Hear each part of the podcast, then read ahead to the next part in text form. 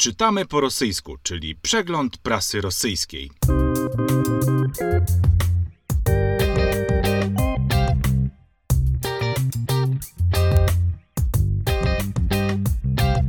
Zapraszają Bartosz Gołąbek i Marcin Strzyżewski. No cześć Marcin, dobry wieczór. Cześć Bartek, witajcie wszyscy. Zaczynamy nasz pierwszy przegląd prasy rosyjskiej i może zaczniemy od Słonia w pokoju, bo to był wyjątkowo duży weekend, jeśli chodzi o wydarzenia w Rosji.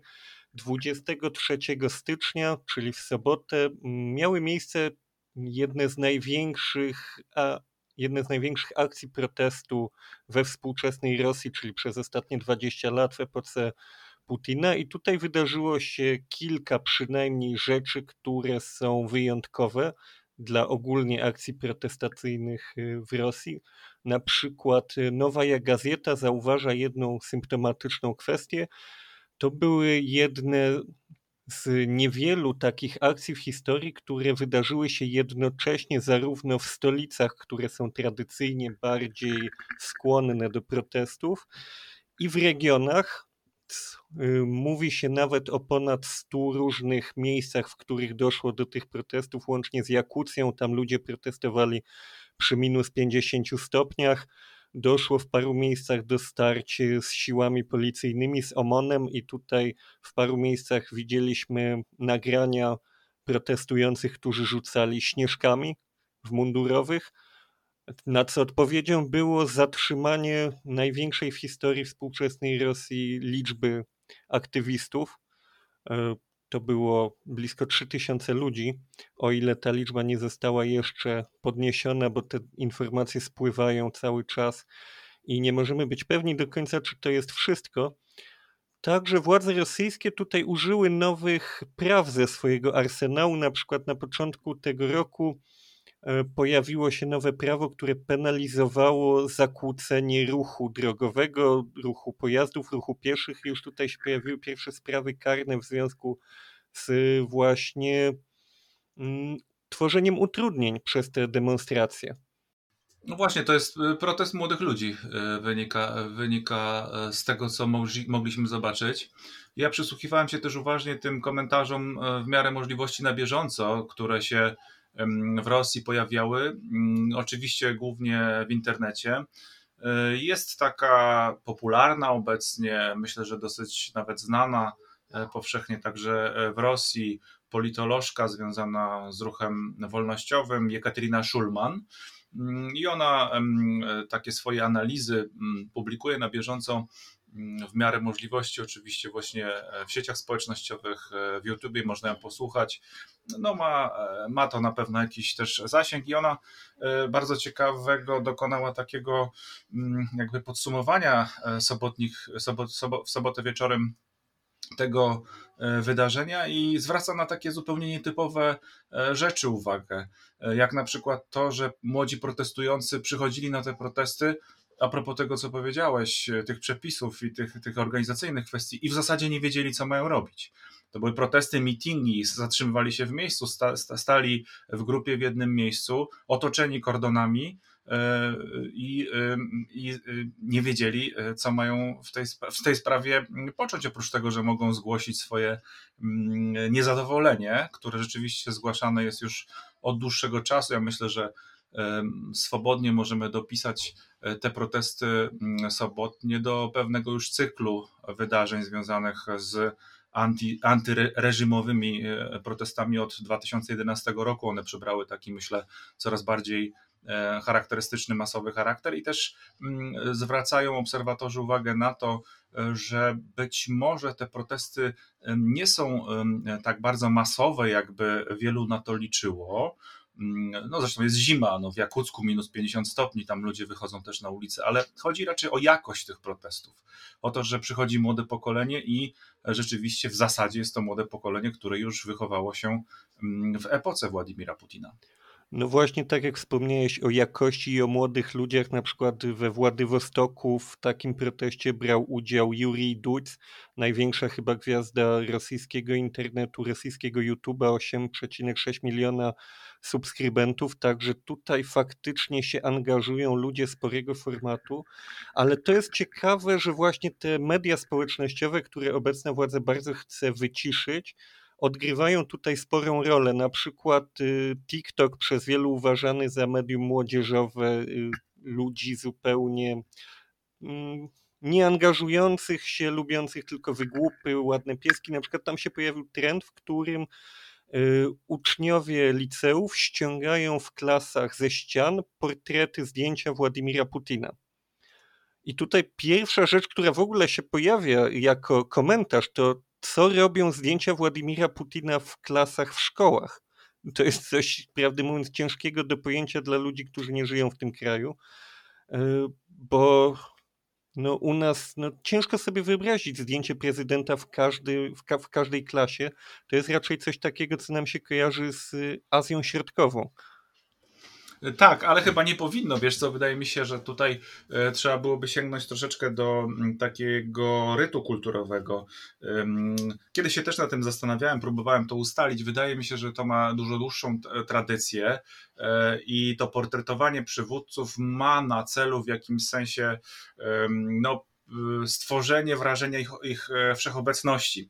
Ja bym tego nawet nie łączył z jakiegoś rodzaju kultem jednostki, e, takim, wiesz, takim typowo rozumianym płasko, tylko z pewnego rodzaju tradycją, która jest e, naprawdę e, bardzo, bardzo odległa historycznie, jeśli chodzi o ten E, rosyjski wymiar postrzegania przywódcy. No, tu jest dystans władzy bardzo jasny, a przy tak potężnych przestrzeniach łatwo byłoby na to też zwrócić uwagę, jeśli byśmy mm, popatrzyli na, na przeszłość. Mało kto miał tak naprawdę i dzisiaj dokładnie jest tak samo e, okazję zobaczyć z bliska albo jakby na namacalnie stwierdzić, jak wygląda i kim jest ten przywódca.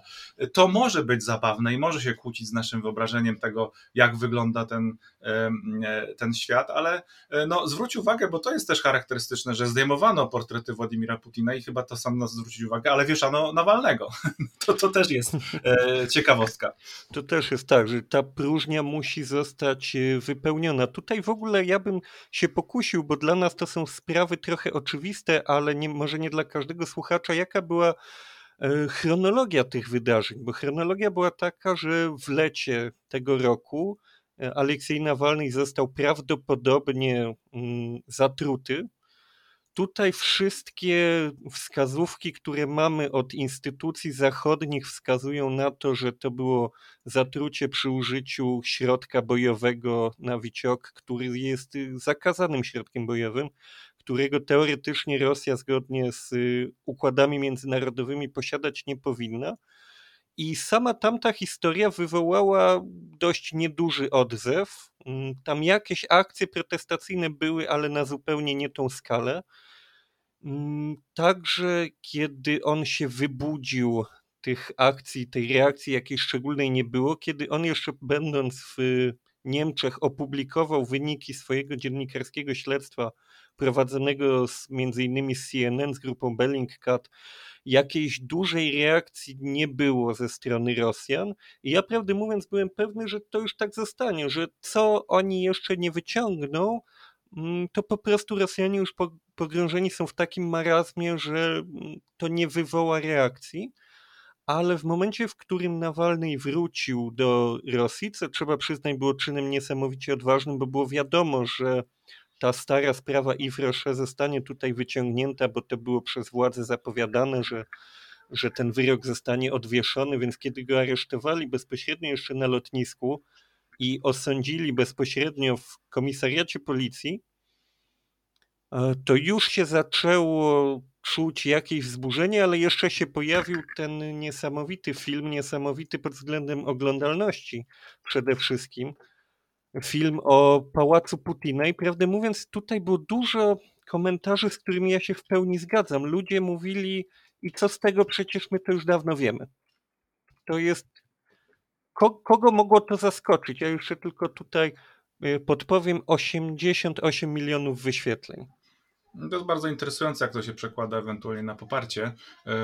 E, dla postawy chyba jednak Nawalnego, bo nie, chyba, nie zawsze chyba wyłącznie dla samego Nawalnego, ale zwróciłeś uwagę na ciekawe rzeczy, bo rzeczywiście od lata, kiedy Nawalny najpierw był w śpiączce w Rosji, później przewieziony został do Niemiec, do kliniki Charité w Berlinie, to e, kampania medialna w, w, tym oficjalnym środowisku, w mainstreamie rosyjskim, oczywiście no, nie dawała mu szans na to, żeby ta sprawa się jakkolwiek mogła przebić. Ale zwróć uwagę, że sprawa ożyła, kiedy on sam zabrał się do roboty ze swoim otoczeniem, wystąpił, pokazał się w pełnej krasie, w bardzo, myślę, że w całkiem e, dobrej formie e, swojej, takiej typowej i skonstruował kilka tych materiałów które de facto zdekonspirowały e, w dużej mierze to, co się z nim, e, z nim wydarzyło. I jeśli nawet jakaś część z tych wątków nie do końca została trafnie ustalona lub jest po prostu nieprawdziwa, to zostało to tak opowiedziane przekonująco, że mało kto może przechodzić wokół tego obojętnie, e, jak i sam prezydent Federacji Rosyjskiej, zresztą, który na konferencji prasowej, tej dużej konferencji prasowej, no próbował ewidentnie, lekko poirytowany, jak mi się wydaje, dystansować się i, i mówić e, o Nawalnym, a komu on jest w ogóle potrzebny, ten człowiek. No, to było na, na, naprawdę mocne. Przy czym zauważmy, że Władimir Putin wtedy nie powiedział, że to jest nieprawda, tylko że to jest legalizacja materiałów CIA, czyli de facto powiedział tak, śledziliśmy go. E, trochę wydaje mi się tutaj zareagował za mało, zbyt mało intensywnie. To zaprzeczenie powinno wybrzmieć mocniej. Teraz zresztą ta negacja cały czas jest obecna i ta negacja, bym powiedział, jest jeszcze mocniejsza. W ten weekend y, Pieskow, sekretarz prasowy Putina, stwierdził wprost, że będą wam próbowali wmówić, że ludzi wyszło dużo na te mityngi, a tak naprawdę ich było mało. Co jest w naszej epoce trochę można zaryzykować stwierdzenie, że oni się zatrzymali gdzieś w dawnych czasach, bo w tej chwili można po prostu spojrzeć na zdjęcia i samemu ocenić, czy tych ludzi jest mało. No, mm, w sytuacji, w której właśnie mamy do czynienia z mrozem, z y, dużą możliwością otrzymania pałką po głowie i na dodatek sprawy karnej, bo w tej chwili wszelkie tego typu demonstracje są e, po prostu obwarowane licznymi karnymi przepisami, więc ci ludzie ryzykując y, możliwość wylądowania w więzieniu, w areszcie na powiedzmy na kilka, kilkanaście dni, e, wyszli. I to wyszły dziesiątki tysięcy, więc jeśli sekretarz prasowy mówi, ich było mało, e, to to po prostu brzmi nieszczerze. Po prostu ciężko jest, ciężko jest do obronienia w sytuacji, w której można wejść na Instagrama i zobaczyć, że to nie jest wcale mało ludzi. To prawda. Y, przy czym jeszcze warto zwrócić uwagę na to, jakie są warunki protestowania w Rosji, jaki jest y, właściwie taki tryb funkcjonowania y, w otoczeniu tym medialno-społecznym po prostu y, władze w ostatnich kilku latach, szczególnie po tej euforii 2014 roku, no zrobiły wszystko, żeby e, takie emocje próbować gdzieś wyciszyć, wytłumić, e, raczej skierować taki entuzjazm ludzi na, na rzeczy, które będą no, Rosję e, w dużej mierze no, sławiły najzwyczajniej w świecie. To się po części udawało, a tutaj mamy do czynienia z, jednak z obrazem negatywnym. Ja myślę, że to też jeszcze na to bym zwrócił uwagę, nie chodzi wyłącznie o samego Aleksja Nawalnego i jego środowisko i jego grupę, ale też o styl, w jakim to wszystko się odbywa. E, taki dosyć, e, jak mawiają Rosjanie, nagły, czyli mm, e, bezpardonowy i, i brutalny sposób oszukiwane są, oszukiwane są grupy młodych ludzi, szczególnie tych młodych ludzi. Już pojawia się wiele komentarzy o, o tym, że po prostu oni oglądając to, co oficjalne media przekazują i orientując się, jak wygląda świat wokół nich, no widzą tą jawną rozbieżność, no, w której mieści się właśnie ich protest. Też pamiętajmy, że to był wyjątkowy rok, bo i mieliśmy parę dużych protestów y, w Rosji na temat różnych spraw, w tym ekologicznych. Przede wszystkim sprawa Furgala w Chabarowsku, która była konsekwentnie prze, próbowano ją konsekwentnie przemilczeć w mediach państwowych, ale ona jednak miała swoje odbicie, a dodatkowo, i to mi się wydaje krytyczne, kwestia koronawirusa, który uderzył mm, po prostu w gospodarkę. Rosjanom nie są odległe te same problemy, które mają, mamy my. Tam także na przykład w Petersburgu jest y, podziemie nieposłusznych y, restauratorów, którzy, których interesy po prostu przegrywają z obostrzeniami. Tam także część ludzi straciła pracę, tam także dochody budżetowe są mniejsze, bo choćby cena ropy spadła dość wyraźnie i zapotrzebowanie ogólnie na ropę spadło, więc generalnie rzecz biorąc ten kraj, który w ostatnich latach się nie bogacił, w tym roku został uderzony przez pandemię przynajmniej tak samo jak cały świat, a cały świat to odczuwa boleśnie, więc to niezadowolenie rośnie.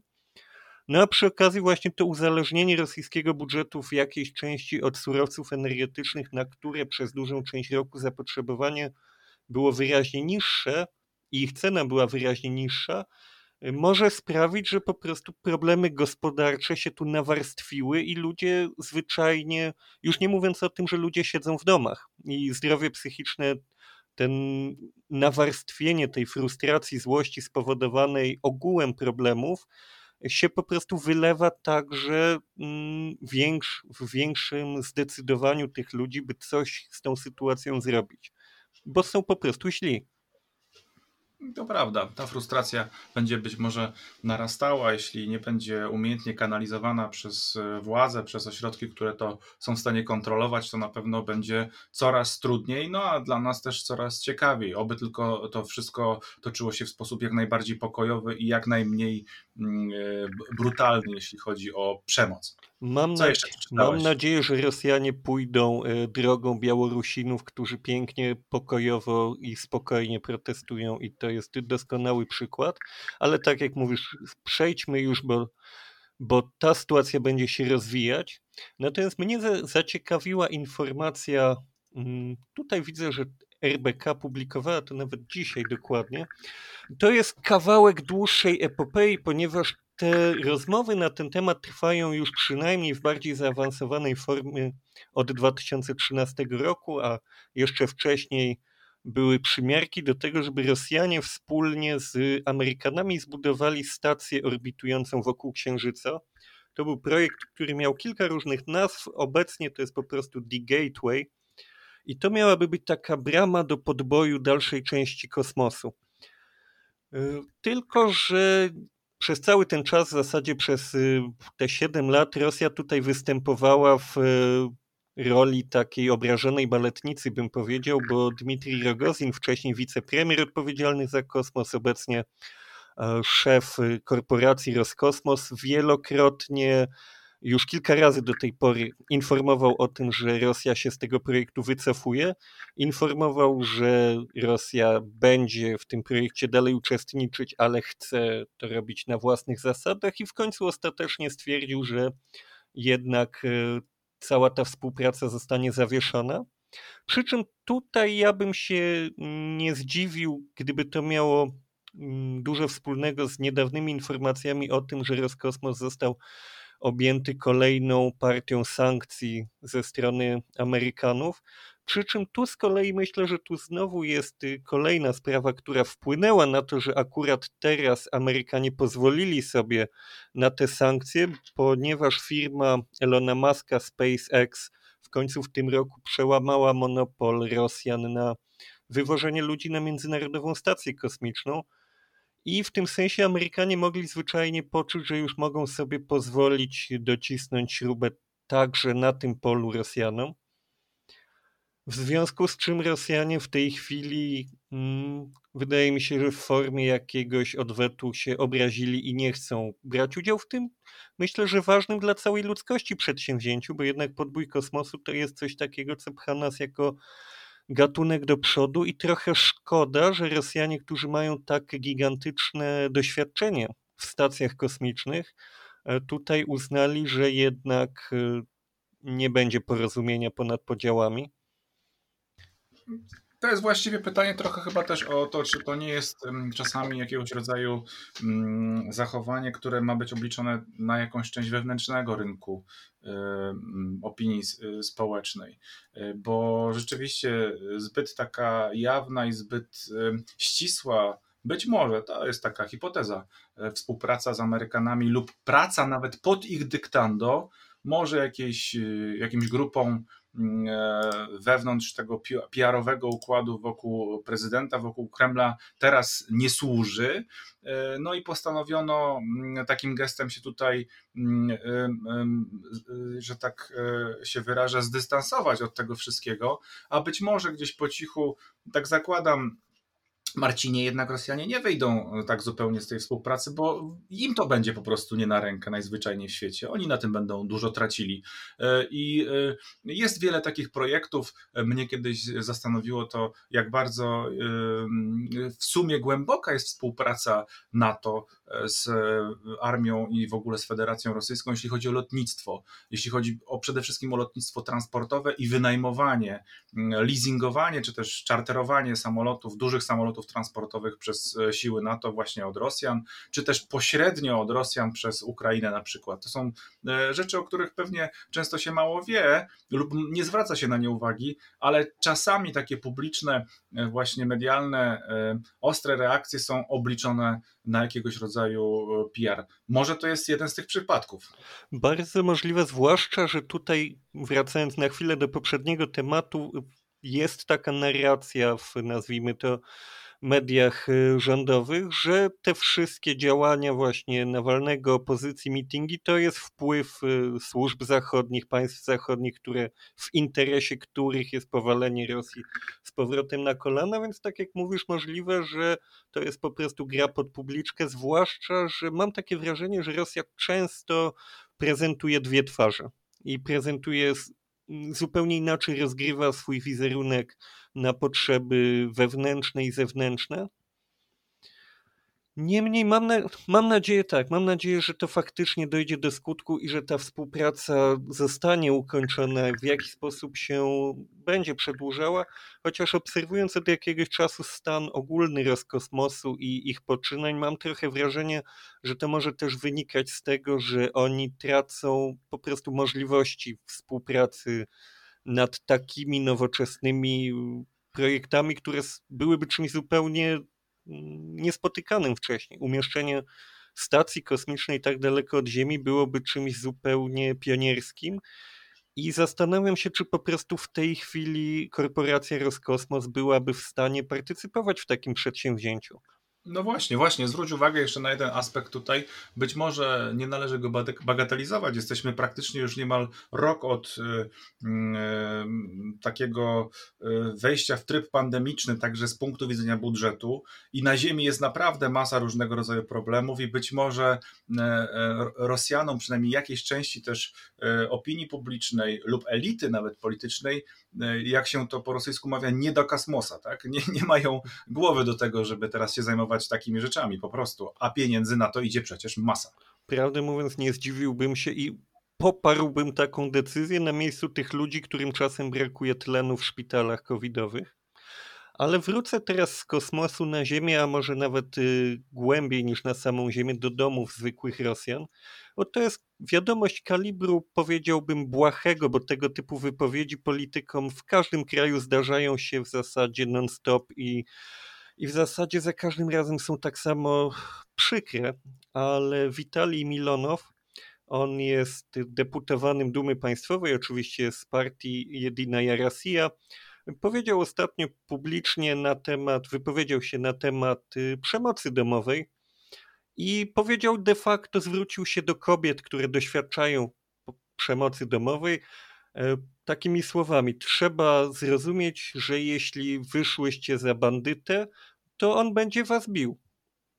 E, jeśli kobieta jest z kimś takim, z takim idiotą, to znaczy, że jest z nią coś nie tak. I to powiedział człowiek w kraju, w którym 56% tylko spraw w ogóle zgłoszonych służbom tego typu dotyczących przemocy domowej e, spraw zgłoszonych na policję jest w ogóle rozpatrywanych, bo prawie 50%, 44% takich spraw w ogóle gdzieś ginie w procesie i nie jest rozpatrywanych, w których 35% kobiet chociaż raz w życiu doświadczyło przemocy zwykłej lub seksualnej ze strony swojego partnera, w którym 16% ludzi dorosłych twierdzi, że spotkało się z przemocą domową w dzieciństwie. E, jeszcze tutaj dodam, że ja te cyfry podaję za portalem Meduza. Oni tutaj mają źródła w centrum Lewada, przede wszystkim też w MWD, w MWD rosyjskim. E, także dość e, solidne źródła, chociaż nie możemy być nigdy w takich przypadkach pewni, pewni na ile precyzyjne, bo to są kwestie często zamiatane pod dywan. Niemniej to jest problem w Federacji Rosyjskiej. Tego typu wypowiedzi ze strony ludzi u władzy wydają się przynajmniej niepoważne, zwłaszcza w kraju, który tak usilnie na poziomie państwowym broni tradycyjnych wartości. No ja bym tutaj chyba mocniejszych słów użył, ale e, powstrzymam się oczywiście. Raczej zastanawiam się nad tym, kto właściwie wpuszcza na łamy mm, e, e, tych portali tak, taką wypowiedź i czemu to powinno byłoby służyć. Rozumiem i domyślam się, że jest jakieś audytorium, które chętnie to podchwyci i będzie repostować, będzie to replikować. Troszeczkę jedna, jedna perspektywa będzie być może oszołomiona i zafascynowana twardą postawą takiego deputowanego który raczej e, szalone i absurdalne tezy e, wygłasza, a druga część będzie oczywiście z, ze świętym oburzeniem na to patrzeć. Wydaje mi się rzeczywiście, że słusznie zwracasz uwagę, że dawanie głosu ludziom, którzy gdzieś kojarzą się przynajmniej z układem władzy i wypowiadają tego typu skandaliczne tezy, no jednak e, po, powinno być na jakimś poziomie moderowane. Nie jestem, ja jestem oczywiście przeciwnikiem cenzury w mediach, ale moderacja takiego wystąpienia lub dopytanie lub rozwinięcie tego jakoś e, lub pokazanie tła byłoby być może interesujące, ale faktem jest, że e, kwestia przemocy domowej, e, szczególnie też w tym ostatnim lockdownowym roku, ona wszędzie, nie tylko w Rosji, nie tylko w Polsce, ale wszędzie na świecie nabrała zupełnie nowej dynamiki.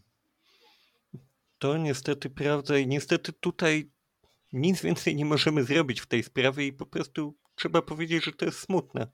I oddać Ci głos, bo Ty także przygotowałeś kilka materiałów.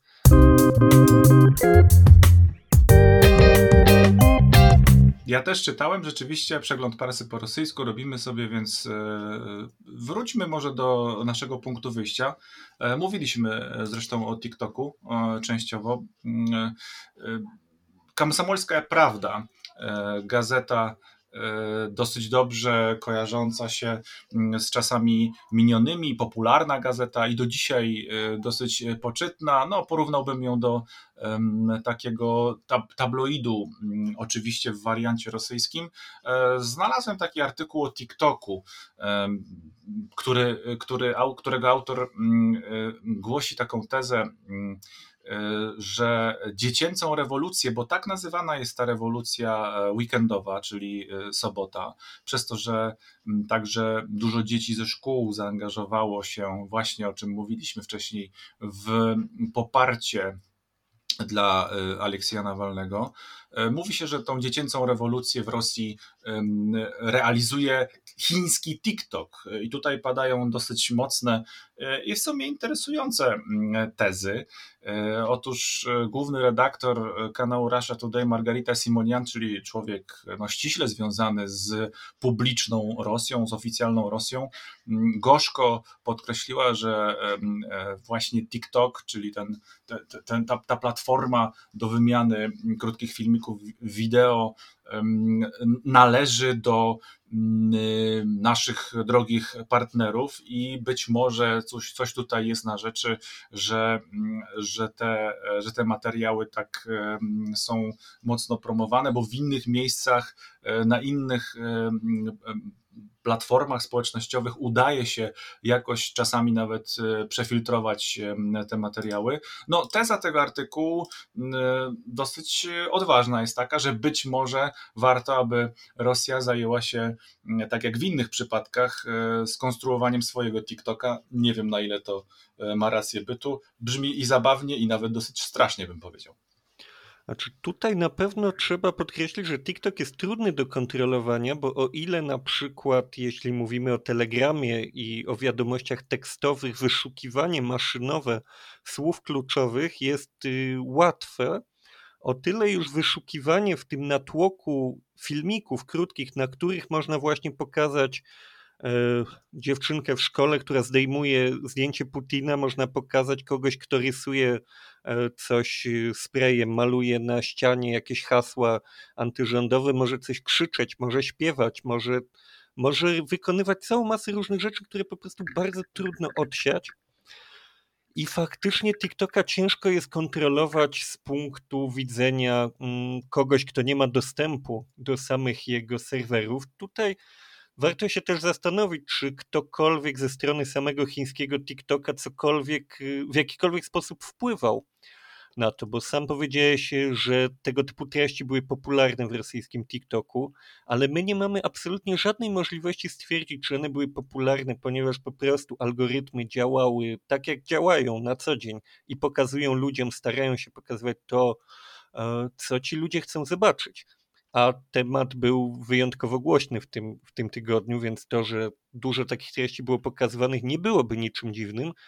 A z drugiej strony na przykład sprawa sprzed paru lat ze Stanów Zjednoczonych, to była tak zwana afera Cambridge Analytica, pokazywały, że da się tak, że to, to dotyczyło przede wszystkim Facebooka wtedy, że da się w taki sposób podsuwać konkretnym ludziom konkretne treści, żeby wywołać konkretną reakcję. Przy czym przede wszystkim, żeby ich utwierdzić w swoich przekonaniach, ewentualnie podsunąć informację, że w, akurat wtedy tak to wyglądało, dany kandydat na konkretnym mm, na konkretne pytanie, które interesuje daną osobę, odpowiada w określony sposób. Ale tutaj raczej nie mamy żadnych powodów twierdzić, żeby Chińczycy i TikTok faktycznie zrobili to celowo. Aczkolwiek jednocześnie nie możemy tego wykluczyć. Właśnie, ale sama atmosfera podejrzliwości w Rosji, która się wokół tego wątku e, rozkręca, jest e, ciekawa sama w sobie. A do tego ciekaw jestem, czy e, hasło, które tutaj autorzy artykułu, jak zakładam jednak redakcja, a nie autor, wprowadzają, dziecka rewolucja, czy ono przylgnie do tych wydarzeń sobotnich, czy po prostu będzie tylko weekendowym lidem z jednego z popularnych czasopism. Tu jest też ciekawy wątek, bo mm, ja cały czas mi się ciśnie na usta słowo propaganda, ponieważ większość źródeł rosyjskich, które oglądam i słucham, tak właśnie się zwraca. Tak właśnie mówi o mediach rządowych, jednak ja tu nie chcę przesadzać. Media rządowe rosyjskie w tej chwili lansują taką tezę, że opozycjoniści narażają właśnie dzieci na zagrożenie. Do mnie nawet pisał pewien Rosjanin z Petersburga mm, pod jakimś z moich filmów, on pisał, że jego siostra w szkole dostała informację w szkole bezpośrednio od nauczycieli, że nie wolno jej chodzić w weekend po placach. Słyszałem także, że w niektórych szkołach, uniwersytetach były organizowane w sobotę dodatkowe lekcje, a nawet, że w niektórych miejscach e, w Rosji rodzice byli przepytywani, co dokładnie robiły ich dzieci. To jest ciekawa sytuacja, w której faktycznie ci najmłodsi, ale zarazem ci bardziej aktywni, mniej zastraszeni, mniej pamiętający Związek Radziecki i to posłuszeństwo, które wtedy było wmuszane ludziom, teraz stają się jakąś taką warstwą społeczną, o którą toczy się gra, którą chcą przeciągnąć na swoją stronę obie strony. Przy czym faktycznie ja nie zauważyłem, żeby rosyjska opozycja w tej chwili faktycznie nawoływała bezpośrednio młodych ludzi do wyjścia, niepełnoletnich ludzi do wyjścia na ulicę. Nie widziałem takich bezpośrednich zwrotów. Nie twierdzę, że ich nigdzie nie było, ale nie udało mi się takich znaleźć. Jednak duch, duch, e, duch czasu jest, jest dosyć wyraźny i to pokolenie młode, które wychodzi na ulicę jest coraz bardziej widoczne e, i myślę, że to też ma z tym e, związek. Jakaś część rosyjskich, nazwijmy ich tym popularnym określeniem boomerów, już też na to zaczęła zwracać uwagę. Kolejny artykuł, który chciałbym z Tobą krótko przedyskutować, dotyczący bardzo poważnej sprawy, bo pieniędzy. E, to jest związane oczywiście z, e, z minionym rokiem, pewnym podsumowaniem. Bardzo ciekawy wywiad, rozmowa z znaną rosyjską geografką i osobą związaną właśnie z, z, geografią, badaczką geografii ekonomicznej, Natalia Zubariewicz. Udzieliła wywiadu Nowej Gazecie. Mm, 22 stycznia się ten wywiad e, ukazał, w którym e, omawiane są kwestie związane z budżetowaniem e, 2021 roku. Tytuł tego artykułu znamienny: „Dziennik: toczny budżet mniejsze. Pieniędzy będzie z całą pewnością mniej. Tak redakcja to zatytułowała. No i generalnie kwestia wygląda następująco. Większość z regionów rosyjskich, bo Rosja jest podzielona jako federacja na kilkadziesiąt regionów, dokładnie 58 z 85, zgodnie z danymi oficjalnymi budżetu federalnego, e, zakończy rok 2020 z dużym deficytem.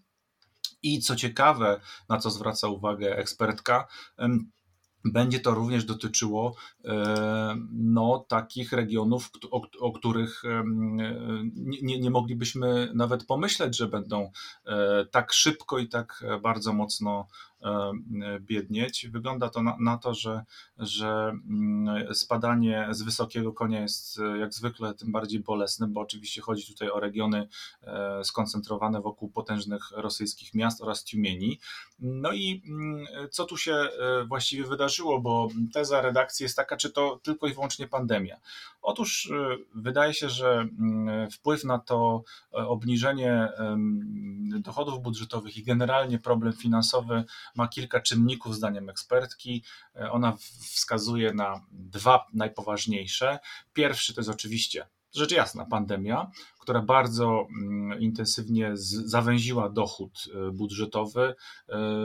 E, szczególnie w tym okresie styczeń-listopad było to e, widoczne. Drugą przyczyną, którą mm, wskazuje ekspertka, jest e, jednak wciąż e, podnoszenie wydatków, szczególnie, co może szokować, jeśli czasami przepatrzymy sobie mm, sieci społecznościowe, które ukazują jakość, przynajmniej częściowo jakość służby zdrowia rosyjskiej mm, to tutaj mamy duże, bardzo duże wydatki e, na właśnie służbę zdrowia, na ochronę zdrowia, też związane są z pandemią pośrednio.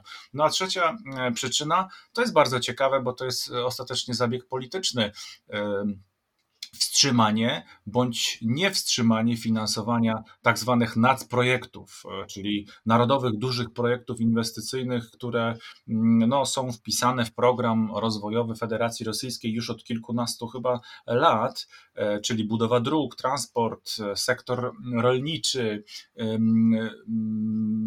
wszystko to, co związane jest z remontami komunalnych domów i mieszkań, no na to pieniędzy ma cały czas starczać, ponieważ to jest w zasadzie podtrzymanie, jak mi się wydaje, może będziesz na to patrzył inaczej, tej bazy, która e, jednak e, popiera e, w sposób naturalny popiera, co ważne, obecnie urządujących przywódców Federacji Rosyjskiej. Bardzo ciekawy, e, obszerny artykuł i bardzo ciekawe spostrzeżenia ekspertki. Przede wszystkim tutaj mm, bym powiedział, że faktycznie ten wzrost, o którym mówię, że może dziwić wzrost wydatków na ochronę zdrowia, wydaje się jednak, że przy tak zapuszczonym mm, stanie w jakim była rosyjska służba zdrowia, ten wzrost o, tutaj czytam, raptem kilkanaście procent, e, w Moskwie był, widzę, najwyższy,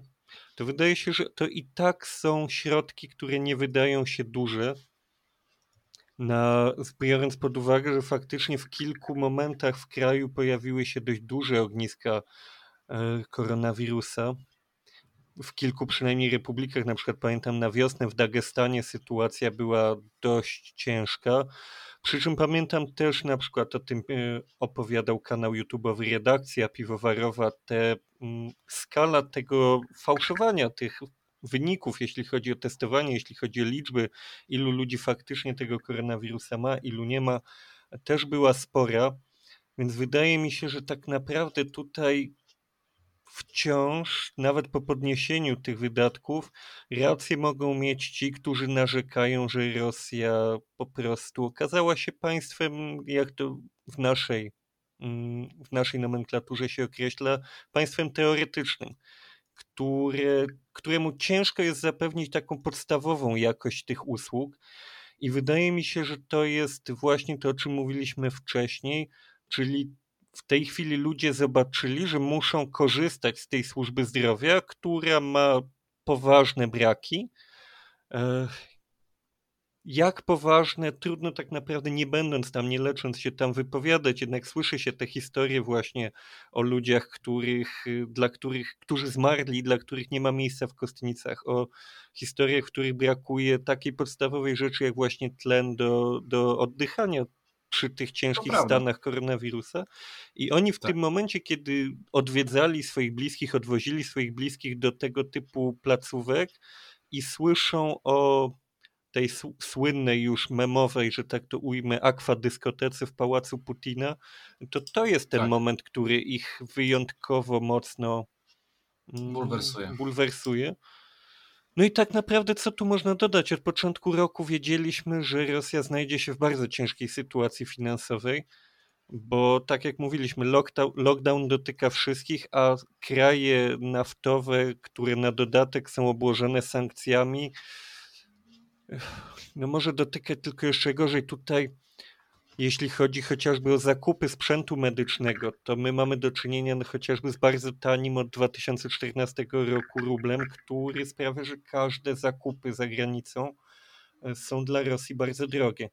I niezależnie od tego, czy kupujemy respiratory, czy na początku tej całej historii kupujemy maseczki, których wiadomo wszędzie brakowało, to to się zaczyna robić nawarstwiający się problem trochę jak w Związku Radzieckim, który nie miał jednego dużego problemu, tylko był po prostu po drodze niewydolny na tylu różnych etapach i się nawarstwiło tyle problemów. I tutaj obserwujemy podobną historię, to znaczy Mamy na przykład budżet uzależniony w dużej mierze od eksportu surowców energetycznych, mamy brak wydatków na służbę zdrowia w dłuższej perspektywie lat, mamy kwestię zajęcia Krymu, który doprowadził do właśnie spadku cen rubla, choć Rosjanie się ostatnio śmieją, że chyba nie było wydarzenia w ostatnich kilku latach na, na świecie, które nie doprowadziłoby do spadku ceny rubla.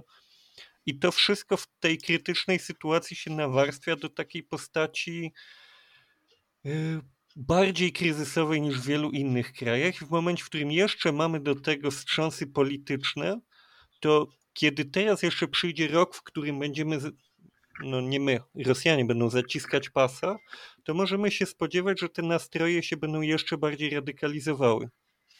Może się tak wydarzyć. Ja bym jeszcze tutaj dodał taki jeszcze element, o którym chyba też się mało mówi, zastanawia, taki społeczny. Hmm E, wiadomo jest, że służba zdrowia rosyjska z całą pewnością, intuicyjnie można to stwierdzić, jest tak różnorodna jak sama Rosja. Tak? E, na tej skali e, jakości będziemy mieli doskonałe, fantastyczne wręcz kliniki z doskonałym personelem, z wybitnymi uczonymi medykami i bardzo gdzieś, być może nawet w tym samym mieście, co do tego nie mam ja najmniejszych wątpliwości, e, zapuszczone ośrodki e, zdrowia i szpitale, e, do których nie chcielibyśmy w żaden sposób trafić. I to będzie generowało, ta sytuacja, tak mi się wydaje, z pandemią, ona też generuje taki proces, który być może też z przeszłości jest znany, który powoduje, że mm, jednak ujawnią się te najlepsze cechy E, u ludzi e, i e, ci najbardziej zaradni dyrektorzy, administratorzy w tych ośrodkach zdrowia, oni będą sobie jakoś być może radzili swoimi metodami, swoimi sposobami.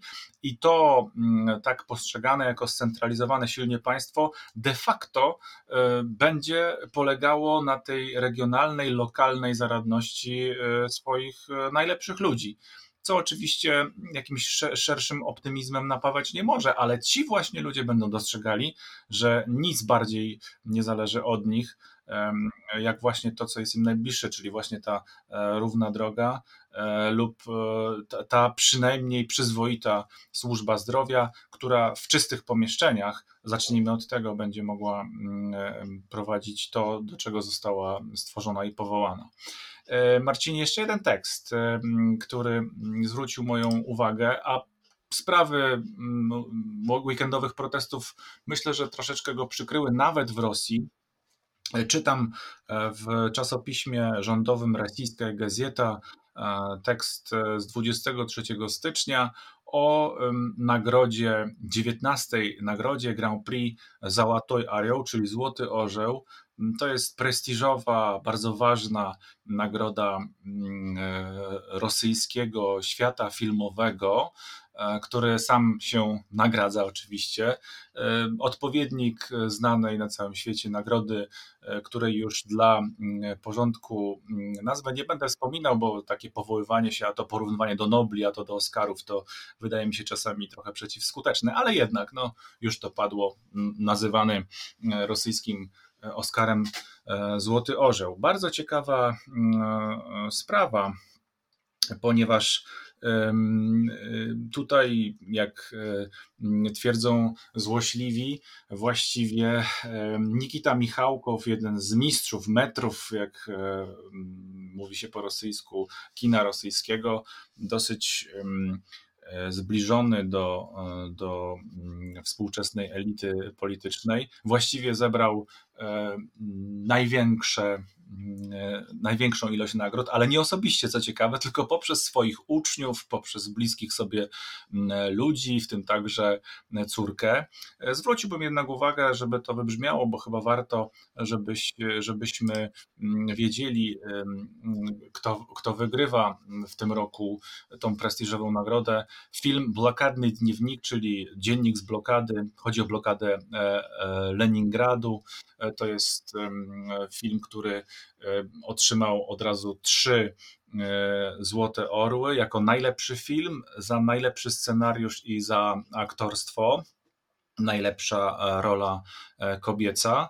No i tutaj mamy do czynienia oczywiście z tym, w czym specjalizuje tak mi się wydaje, specjalizuje się współczesna kinematografia rosyjska, czyli e, kino historyczne. Historia pokazana po nowemu, z nowym podejściem, bardzo ciekawe. Reżyser Andrzej Zajcew, uczeń Nikity e, Siergiewicza Michałkowa, który no, wiedzie prym oczywiście w samej akademii. Jako ciekawostkę warto dodać, ja tutaj bardzo cenię za dystans e, nagrodzoną w kategorii e, za film krótkometrażowy e, córkę Nikity Syrgiewicza, najmłodszą mm, córkę, za e, film One Man Go Please, czyli film, który pokazuje emigrantkę z dalekowschodniego kraju, która przybywa do Rosji w poszukiwaniu zajęcia. Nadjeżdża Michałkowa autoironicznie na co zwróciłem uwagę z, z pewnego rodzaju satysfakcją. Mówi w swojej, e, swojej, w jednym z kanałów sieci społecznościowej, czyli na swoim Instagramie, że no na pewno wszyscy teraz będą twierdzili, że ojciec film nakręcił, mama kupiła, siostra pomogła, bo rzeczywiście rodzina Michałkowów tutaj ma potężne wpływy, jeśli chodzi o, o film i filmografię. Jeszcze jedna rzecz, która też zwraca uwagę w tym kontekście rodzinnym, Andrzej Konczałowski, brat Nikity, otrzymuje film za najlepszą e, reżysurę E, film Drogie Towarzysi, opowiadający także historyczny epizod z 1962 roku, krwawo stłumione e, pokojowe protesty w Nowoczerkasku. Na wszystkie te filmy warto byłoby się wybrać. Po pierwsze, o ile kina byłyby otwarte, a po drugie, o ile by rosyjska kinematografia lepiej znalazła się tutaj u nas w Polsce takie spostrzeżenia ten świat kultury rzeczywiście w ostatnim roku otrzymał potężne ciosy od koronawirusa, może nawet bardziej potężne niż, niż inne branże. Dotyczy to także Rosji. Przede wszystkim ja bym powiedział, że ten najwyżej oceniony przez jury film Blakadny Dniewnik, a to jest obraz, który jest y, no na pewno nie wpisuje się w to, co ostatnio oglądaliśmy, jeśli chodzi o rosyjską kinematografię wojenną i historyczną, bo o ile na przykład mieliśmy niedawno film T-34 z ujęciami komputerowymi, które były modelowane chyba dłużej niż trwały same zdjęcia, pokazującymi te rykoszetujące pociski e, z radzieckiego T-34, tak tutaj mamy do czynienia w ogóle z filmem czarno-białym, który przedstawia ludzi w stanie. W zasadzie, jeśli byście popatrzyli na zdjęcia, mm, na fotosy z tego filmu, to można by mm, przyjąć, że to jest jakiś dziwny, zapomniany film o apokalipsie zombie. Ci ludzie są przerażający, wychudzeni, wymęczeni. Mm, wyglądają jakby za chwilę mieli się z tego głodu po prostu przewrócić w zaspy śniegu i już nie wstać i tylko młody Niemiec, który się uśmiecha w piorunujący sposób, wygląda na żywego, ale przy tym jest nie mniej przerażający w mundurze oczywiście. Tak, pewnie tak nie było to jeszcze pokazywane, aż tak e, wyraziście, bo wiadomo, że głód trawił, e, dziwne słowo, głód trawił, głód niszczył miasto w sposób e, no, nieporównywalny do niczego. Tamten głód blokady, blokady właśnie. Przypomnijmy, że to mm, czasy dla Związku Radzieckiego Wielkiej Wojny Ojczyźnianej, dla większej części Europy II wojna światowa, blokada Leningradu. Tak, jeden chyba z najbardziej przerażających przykładów y, głodu w trakcie działań wojennych w historii. I tutaj to jest film, który oczywiście wpisuje się mimo wszystko, mimo tego, że nie jest aż tak, nie jest typowym powiedzmy rosyjskim wojennym blockbusterem ostatnich lat, no to jednak to się wpisuje w taką wizję nas, y, nas bohaterskich ofiar w trakcie wojny. I tutaj ja pierwsze co powiem, to ja nie jestem daleki od przyznania tej wizji, bo faktycznie bardzo duża część y, ludności Związku Radzieckiego wykazała się postawą heroiczną i była ofiarami tej wojny. Natomiast mówimy o zwykłych ludziach. No tutaj w tej chwili obserwujemy, że państwo rosyjskie, które obecne państwo rosyjskie nie ma wiele wspólnego z tamtym zwycięstwem, z tamtą wojną, to bardzo stara się zaszczepiać po pierwsze obraz heroiczności tej wojny, obraz wspaniałego narodu, który przeżył niezwykłe, niezwykłe próby i wyszedł z tego z całości i na dodatek stara się obecna władza jak najbardziej kojarzyć z tamtymi wydarzeniami, się splatać z nimi. Ja mam tu zawsze przed oczami Władimira Putina maszerującego na czele bezsmiertnego Polku. Także wydaje mi się, że tutaj ta nagroda to jest też jakaś forma promowania tej tej państwowej wizji, tej, jak to mówią złośliwi, religii 9 maja. Tutaj jeszcze tylko taka ciekawostka, bo puściłem sobie do mówienia trailer tego filmu, tak żeby po prostu mm, lepiej mm, sobie wyobrazić to, o czym mówimy. I to jest ciekawe, ponieważ on ma mm, na jednym z kanałów na YouTube 140 tysięcy wyświetleń i ma cztery razy więcej tych łapek w dół niż w górę. I to jest ciekawe. Zastanawiam się skąd się to bierze, bo o ile faktycznie można mieć różny stosunek do władzy, która promuje tego typu mm, wizję historii, to wydaje mi się, że jednak sama historia jest na tyle dramatyczna, ciężka i autentyczna, że mm, osobiście mm, powstrzymałbym się od wyrażania w internecie jakby dezaprobaty dla tego typu projektów artystycznych. Tak, zwłaszcza, że z całą pewnością to jest e, taka czysto e, ludzka historia. No, nie, nie możemy rozmawiać o filmie, którego nie widzieliśmy, ale tak jak mówisz, ta tematyka już powinna budzić pewnego rodzaju respekt i e, zakładam jednak, że te łapki w dół, one nie były mm, za trailer, za jakość montażu, czy za dźwięk, bo wątpię, żeby aż tylu ekspertów się zebrało, jeśli chodzi o technologię filmu a być może coś za tym stoi, ale jak wiesz doskonale, za takimi internetowymi badaniami, e, nazwijmy to w ten sposób, czyli za like, lajkami e, stoją bardzo różne e, niecne moce lub mogą za nimi stać. To nigdy nie możemy być pewni, co wywołało daną reakcję, aczkolwiek jest to po prostu interesująca obserwacja, z której myślę, że każdy może wyciągnąć swoje wnioski. Nie będę się tutaj kusił o o udawanie, że wiem, dlaczego tak się wydarzyło pod tym filmem. No jasne. E, Marcinie, poczytaliśmy 3 mm, na 3. E, myślę, że będziemy e, się rozstawali w tym momencie z gorącymi pozdrowieniami dla wszystkich tych, którzy nas wysłuchali i być może z życzeniem tego, żeby dali znać nasi słuchacze, co o tym sądzą.